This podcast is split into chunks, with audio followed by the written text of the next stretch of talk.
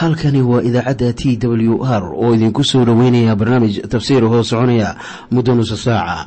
Waxaana barnaamijkan codka waayaha cusub ee waxbaridda ah idiin soo diyaariya masiixiin soomaaliya.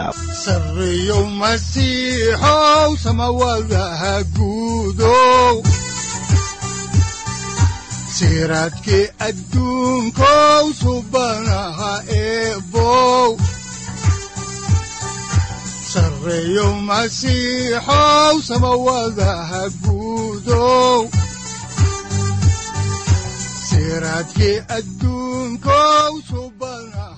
eebow ku soo dhowaada dhegaystayaal barnaamijkeenna dhammaantiinba waxaannu dhexda kaga jirnaa taxanaheennii ahaa dhexmarka kitaabka quduuska ah. Waxaannu caawa idiin bilaabi doonnaa cutubka labaatanaad ee kitaabkii saddexaad ee muuse oo loo yaqaanno laawiyiinta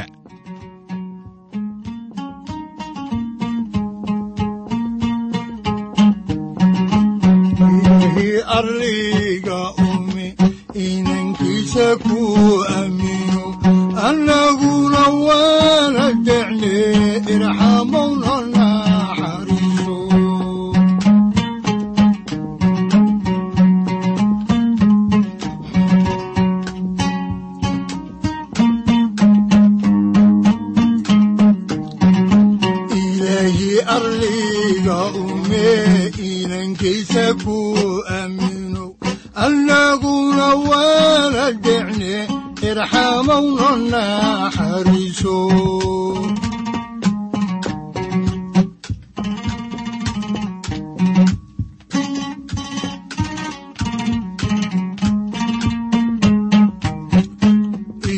arliga yimido arrinka amraayu aha.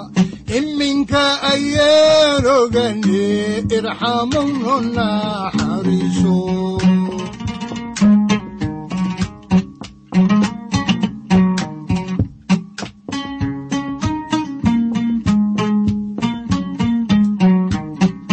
casiisow adaa casumo cunugagi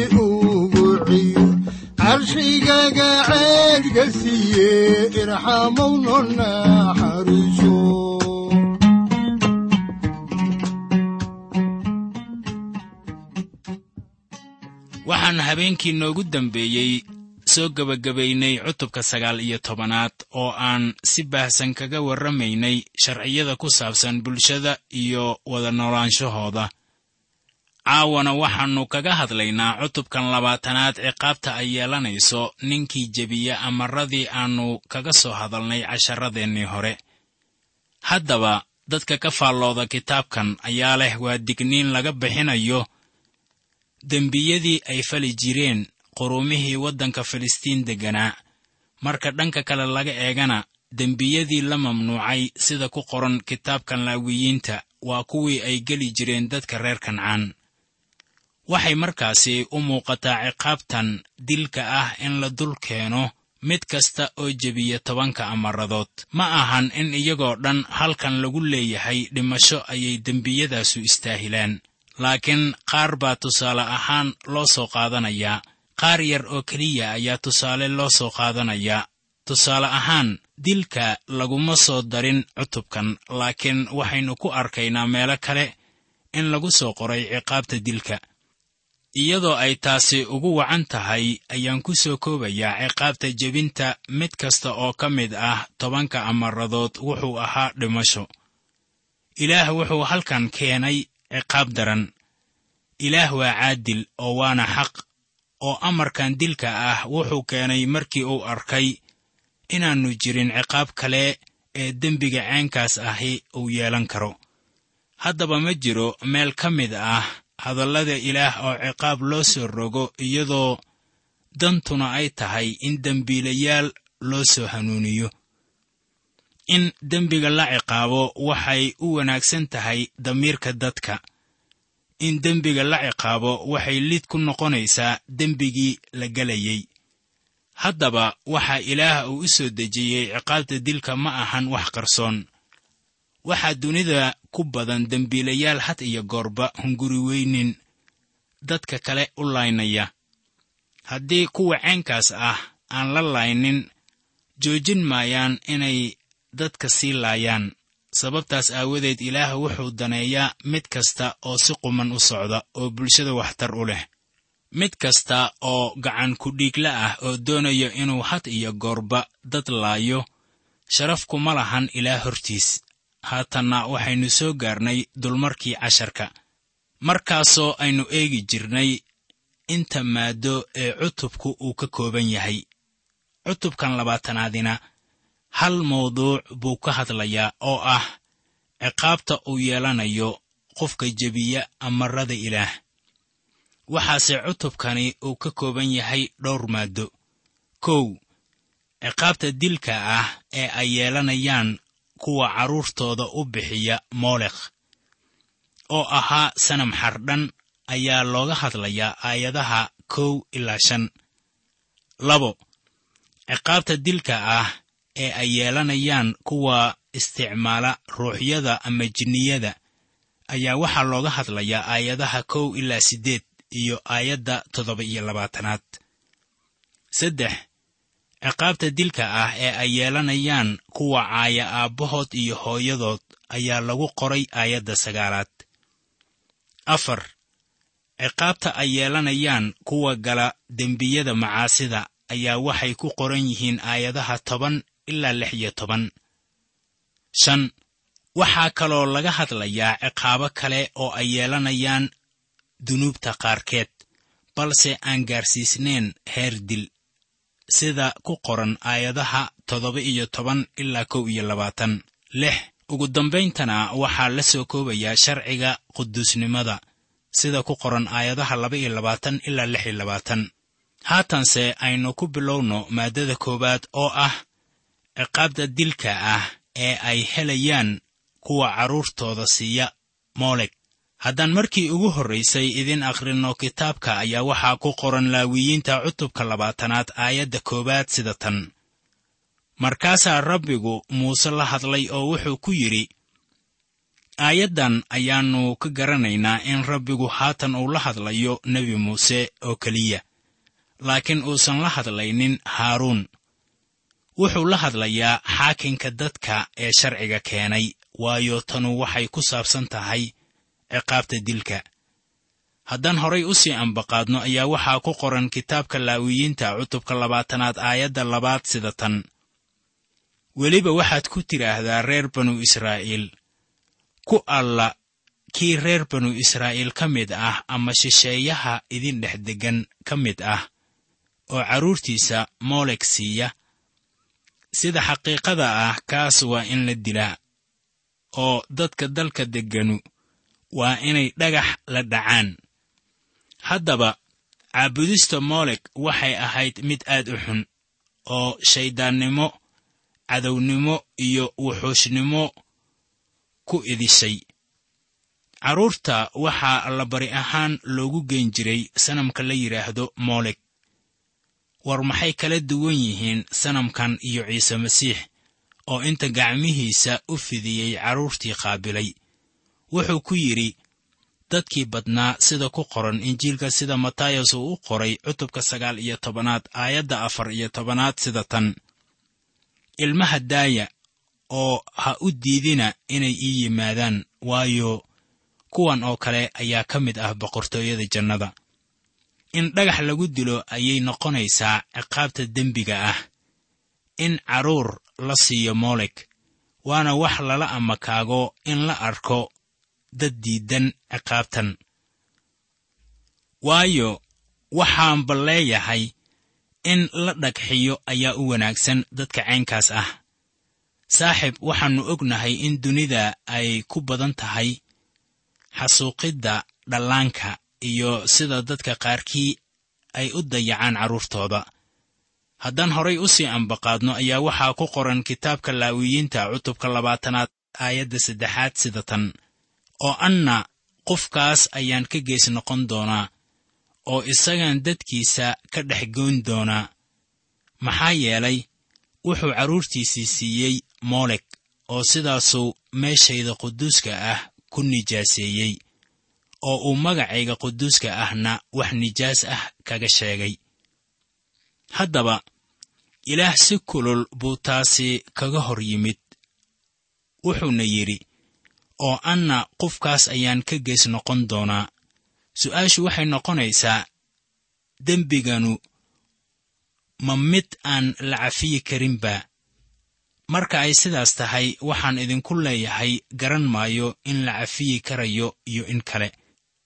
Laakiin hadalladaas waxaa ka buuxo cadho weyn oo ilaah uu u qaadayo kuwa waxaasi fala meelo badan oo kitaabkan ka mid ah ayaannu ku arkaynaa reer banu israa'iil oo samaynaya waxyaabo la mid ah waxaan ilaah uu ka waaninayo. Haddaan dib ugu noqonno kitaabka laawiyiinta cutubka labaatanaad aayadaha afar ilaa shan ayaa waxaa qoran oo haddii dadka dalka degganu ay ninkaas indhahooda ka qarsadaan oo ayaan isaga dilin markuu carruurtiisa moolek siiyo markaas aniga ayaa ninkaas iyo reerkiisaba ka gees noqon doona oo isaga iyo in alla intii raacda inay moolek u daba galaan sida naagu ninkeeda uga dhillowdo waxaan ka dhex goyn doonaa dadkooda. Waxaa halkan laynoogu sheegayaa haddii nin isaga aamuso nin kale oo caabudaya moolek isagoo carruurtiisa siinaya ayaa waxaa la leeyahay ninkaasuna waa la mid. Waa kan ka aamusa oo aan soo sheegine. Haddaan qofku ka gilgilanin dembiga caynkaas ah waxaa lagu tirinayaa sida mid raalli ka ah. Qofka caynkaas oo kale ah waa in isna dadkiisa laga gooyaa taasoo u dhigmaysa dhimasho haatanna aynu eegno maaddada ah ciqaabta ay helayaan kuwa isticmaala jinniyada. Haddaan xaalkaasi u kuurgalno ayaannu haatan eegaynaa kitaabka saddexaad ee muuse waa cutubka labaatanaad aayadda lixaad. Waxaa qoran sida tan oo qof alla qofkii u jeestaa xagga kuwa ruuxaanta leh iyo saaxiriinta oo iyaga u dabagala sida naagu ninkeeda uga dhillowdo. Sida xaqiiqada ah anigu qofkaas ayaan ka gees noqon doonaa oo isagaan dadkiisa ka dhex goyn doonaa kanuna wuxuu ahaa caado laga yaqaanay dhulkii kancaan oo dhulkaas dhaqangal ka ahayd.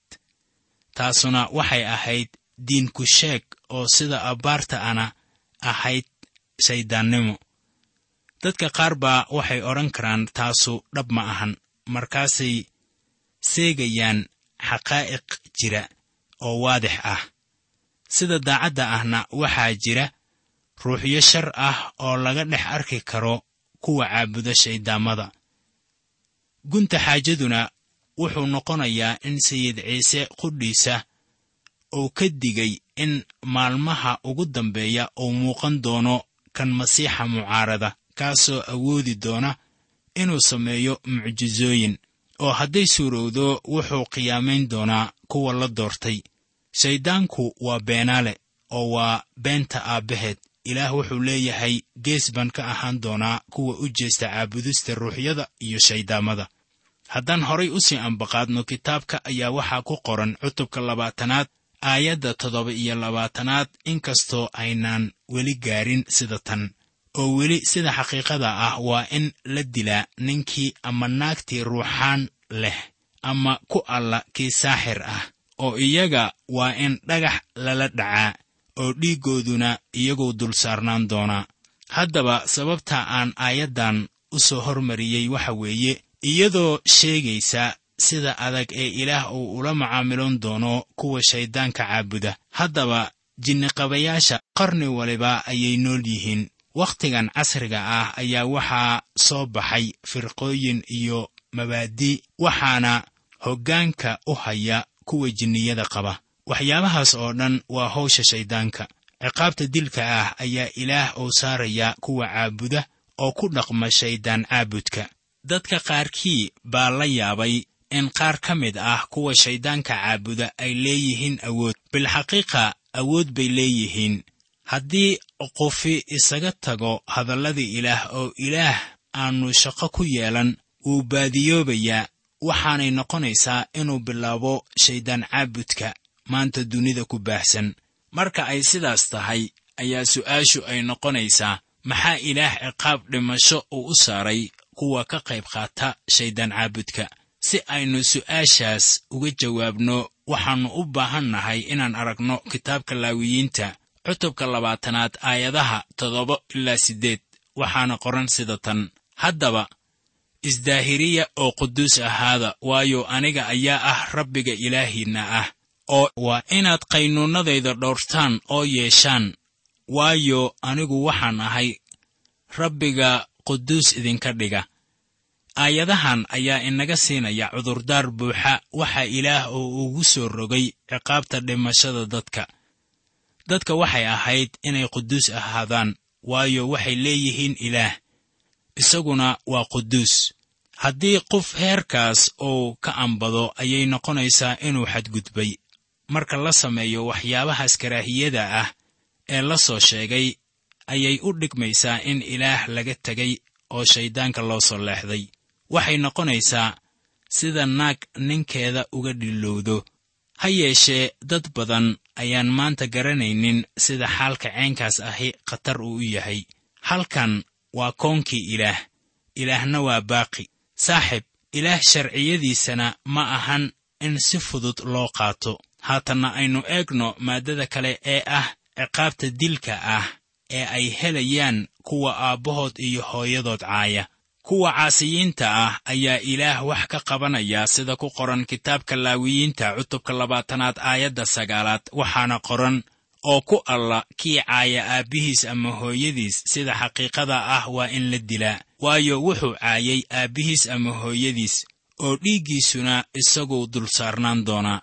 Amarka shanaad ayaan ahayn mid ciyaar loo qaadan karo. Cutubka sagaal iyo tobanaad aayadda saddexaad ayaa reer banu israa'iil lagu tusmeeyey inay aabbahood iyo hooyadood darajeeyaan. Kitaabkii reer rooma cutubka koowaad aayadda kow iyo soddonaad ayaa bawlos uu inoogu sheegayaa in maalmaha ugu dambeeya dadku ay lumin doonaan jeceylkooda waxaana yooxanaa uu leeyahay sida ku qoran warqaddiisii koowaad cutubka koowaad aayadda sagaalaad sida tan.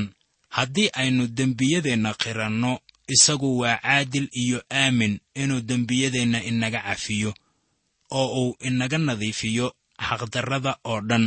Iminkana aynu eegno maaddada xigta oo ah ciqaabta dhimashada ee ay yeelanayaan kuwa sinaysta haddaan halkaasi ka sii wadno kitaabka ayaa waxaa ku qoran kitaabka laawiyiinta cutubka labaatanaad aayadaha toban ilaa lix iyo toban sida tan. Oo nin alla ninkii ka sinaysta nin kale naagtiis.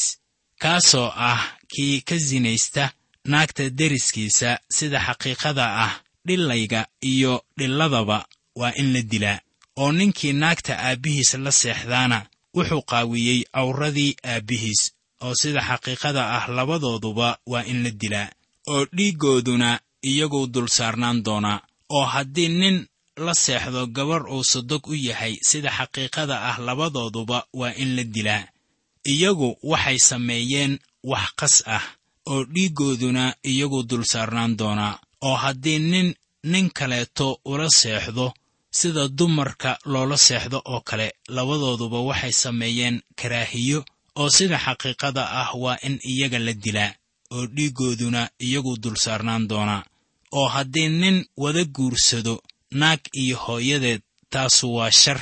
Oo isaga iyo labadooduba waa in dhammaantood dab lagu gubaa si aan sharu idinku dhex jirin oo haddii nin neef xayawaan ah gudo. Sida xaqiiqada ah waa in ninkaas la dilaa oo neefkana waa inaad gowracdaan. Oo naaguna hadday u dhowaato neef xayawaan ah oo ay u jiibsato naagta iyo neefkaba waa inaad dishaan. Sida xaqiiqada ah waa in labadooduba la dilaa oo dhiiggooduna iyagu dul saarnaan doonaa markaad eegto wixii aan akhrinay oo dhan waxaa ka buuxa waxyaabo afku aannu karin. Haddaba macaasida qaab waliba oo ay ku timaado ayaa ciqaabteedu ay noqonaysaa dhimasho. Waxaan u malaynayaa sinada iyo khamriga ayaa ahaa sababihii keenay in munaaraddii baabiloon ay burburto. Masar reer rooma iyo kacaankii faransiiska ay dhulka ku soo dhacaan. Haddaba inkastoo haatan ay jiraan dembiyo badan oo sinada iyo khamro cabistu ay keento ayaa haddana sayid ciise diyaar la yahay inuu cafiyo mid waliba oo isaga u yimaada. Wuxuu keenayaa inta u dhaxaysa dembiyadiinna iyo nafsaddiinna badbaado aan qiyaas lahayn. Allabariga dhimashadiisa ayaa saaxiib ku kafaara gudaya. Waase haddii aad isaga ugu timaado cafis iminkana waxaannu soo gaarnay maaddada ah gafafka ciqaabtoodu noqonayso wax aan dhimasho gaarsiisnayn. Haddaan horay u sii soconno kitaabka ayaa waxaannu eegaynaa cutubka labaatanaad aayadaha toddoba iyo toban ilaa kow iyo labaatan. Waxaana qoran sida tan oo haddii nin kaxaysto walaashiis oo ah ina aabbihiis ama ina hooyadiis oo uu cawradeeda arko oo iyana ay cawradiisa aragto. Taasu waa wax ceeb ah oo iyaga waa in dadkooda hortiisa laga gooyaa. Waayo isagu wuxuu qaawiyey cawradii walaashiis oo dembigiisana wuu qaadan doonaa oo haddii nin uu la seexdo naag xayl qabta oo uu cawradeeda qaawiyo wuxuu qaawiyey ishii dhiiggeeda oo iyana waxay qaawisay ishii dhiiggeeda oo markaas labadooduba waa in laga gooyaa dadkooda oo waa inaadan qaawin habaryarta ama eeddada waayo kii saas yeelaa wuxuu qaawiyey xigaalkiisa u dhow oo iyagu waxay qaadan doonaan dembigooda oo haddii nin uu la seexdo naagta adeerkiis kaasu wuxuu qaawiyey cawradii adeerkiis iyagu waxay qaadan doonaan dembigooda oo waxay dhiman doonaan iyagoo gablan ah oo haddii nin uu kaxaysto naagta walaalkiis taasu waa nijaas. Waayo wuxuu qaawiyey cawradii walaalkiis oo iyagu waxay ahaan doonaan gablan. Haddaba qaraabada in loo tago ayaa halkan lagu xarrimay. Ciqaabtuna waxay noqonaysaa in qofkii sidaas yeelaa meel maxfal ah lagu dilo. Ilaah wuxuu haddaba codsanayaa in nolosha dadkiisa meel waliba ay ka daahirsanaato khaasatan wixii ku saabsan xidhiirka isgalmaadka. Ma uusan odhan way dhimanayaan laakiin wuxuu yidhi waxay dhiman doonaan iyagoo gablan ah. Marka ay sidaas tahay carruurtu waxay dhimanayaan ka hor inta kuwa dembigan ku eedaysan ee waalidka ah ayaan dhimanin. Haatan waxaan soo gaarnay maaddadii ugu dambaysay ee cutubkan waxaana weeye gunaanadka sharciga quduuska ah. Iminkana aynu eegno cutubka labaatanaad aayadda laba-iyo labaatanaad. Waxaana qoran sida tan haddaba waa inaad wada xajisaan oo yeeshaan qaynuunnadayda oo dhan iyo xukuumaddayda oo dhan. Si dalka aan idiin geynayo inaad degtaan uusan idin mantagin. Ilaah wuxuu dhulkii falastiin ka saarayaa reer kancaan waayo waxay galeen dembiyadan. Wuxuu u digay reer banu israa'iil oo wuxuu ku leeyahay dhulkan waa laydinka saarayaa haddii aad samaysaan waxa reer kancaan ay sameeyeen. Ilaah ma ahan mid dad qiimeeya. Miyaad garanaysaa addeecisdarradii israa'iil inay sabab u ahayd in maxaabiis ahaan loo geeyo dhulkii baabiloon si bal aynu idin yaro fahamsiinno xaajadaas ayaannu soo xiganaynaa boqorradii labaad cutubka kow iyo labaatanaad aayadaha kow labo lix sagaal. Waxaana qoran sida tan. Oo manaseh markuu boqor noqday wuxuu jiray laba iyo toban sannadood. Oo yeruusaalemna wuxuu boqor ku ahaa shan iyo konton sannadood. Oo hooyadiis magaceeduna wuxuu ahaa xefsibaah oo isna wuxuu sameeyey wax rabbiga hortiisa shar ku ah. Sidii karaahiyadii quruumihii rabbigu uu ka eryey reer banu israa'iil hortooda. Aayadda lixaadina waxay leedahay oo wiilkiisiina dabbuu dhex mariyey faalna wuu ku noqnoqday wuxuu u tegey falanfallowyo wuxuu la macaamilooday kuwii ruuxaanta lahaa iyo saaxiriintii oo wuxuu rabbiga hortiisa ku sameeyey shar badan oo uu isaga kaga xanaajiyey. Aayadda sagaalaadina waxay leedahay laakiinse way dhegaysan waayeen oo manaseh ayaa iyagii ku sababay inay sameeyaan shar ka sii badan kii ay sameeyeen quruumihii rabbigu ku hor baabi'iyey reer banu israa'iil markaas waxaan filayaa inaad garateen sidii reer banu israa'iil ay ilaah uga caraysiiyeen taasoo laynoogu qoray kitaabkii labaad ee boqorrada. Haatanna aynu dib ugu noqonno kitaabka laawiyiinta cutubka labaatanaad aayadda saddex iyo labaatanaad. Waxaana qoran sida tan oo waa inaydan ku socon caadooyinkii quruuntii aan hortiinna ka eriyey waayo iyagu waxyaalahaas oo dhan ayay samayn jireen oo sidaas daraaddeed ayaan u karhay haddaba taasaa ka jawaabaysa su'aasha qusaysa caddaaladda rabbiga markii uu baabi'iyey quruumihii degganaa waddanka filistiin. Waayo waxay faleen shuqullo karaahiye ah oo aan ilaah saamixi karaynin. Markaasaa waddankii laga eryey waxaana la siiyey reer banu israa'iil haddaan horay u sii ambaqaadno kitaabka ayaa waxaa ku qoran laawiyiinta cutubka labaatanaad aayadaha afar iyo labaatan ilaa lix iyo labaatan sida tan. Laakiinse waxaan idinku idhi idinka ayaa dalkoodii dhaxli doona oo hanti ahaan ayaan idin siinayaa kaasoo ah dal caano iyo malab la barwaaqaysan. Waayo aniga ayaa ah rabbiga ilaahiinna ah oo idinka soocay dadyowga haddaba sidaas daraaddeed waa inaad kala soocdaan xayawaanka daahirka ah iyo kan nijaasta ah iyo haadda daahirka ah iyo tan nijaasta ah.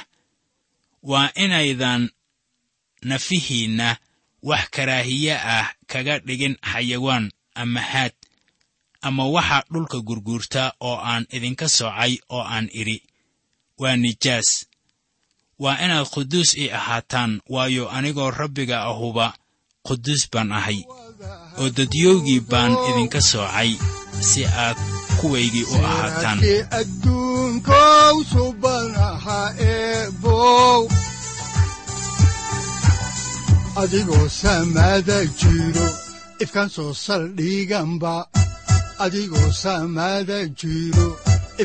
Saldhiganba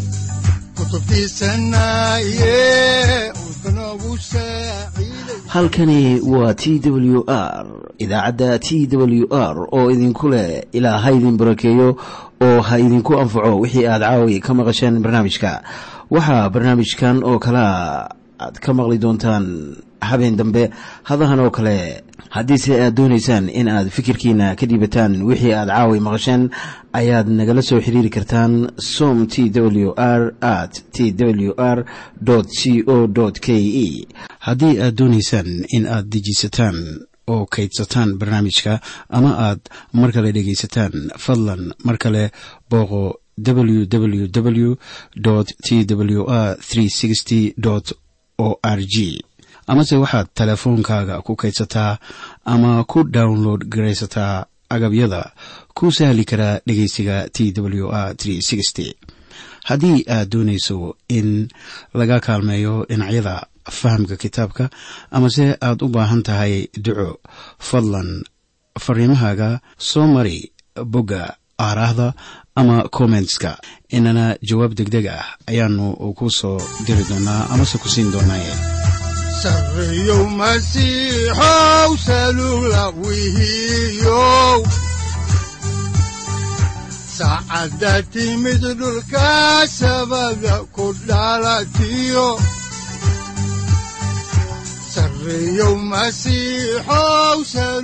halkani waa t w r oo idiin rajaynaya habeen baraare iyo barwaaqaba leh inta aynu ka gaari doono wakhti aynu ku kulanno barnaamij la mida kan caawayay aad maqasheen. Waxa aan idinku leeyahay nabadda ciise masiix ha idinku badato xagga jidhka iyo ruuxaba. Aamiin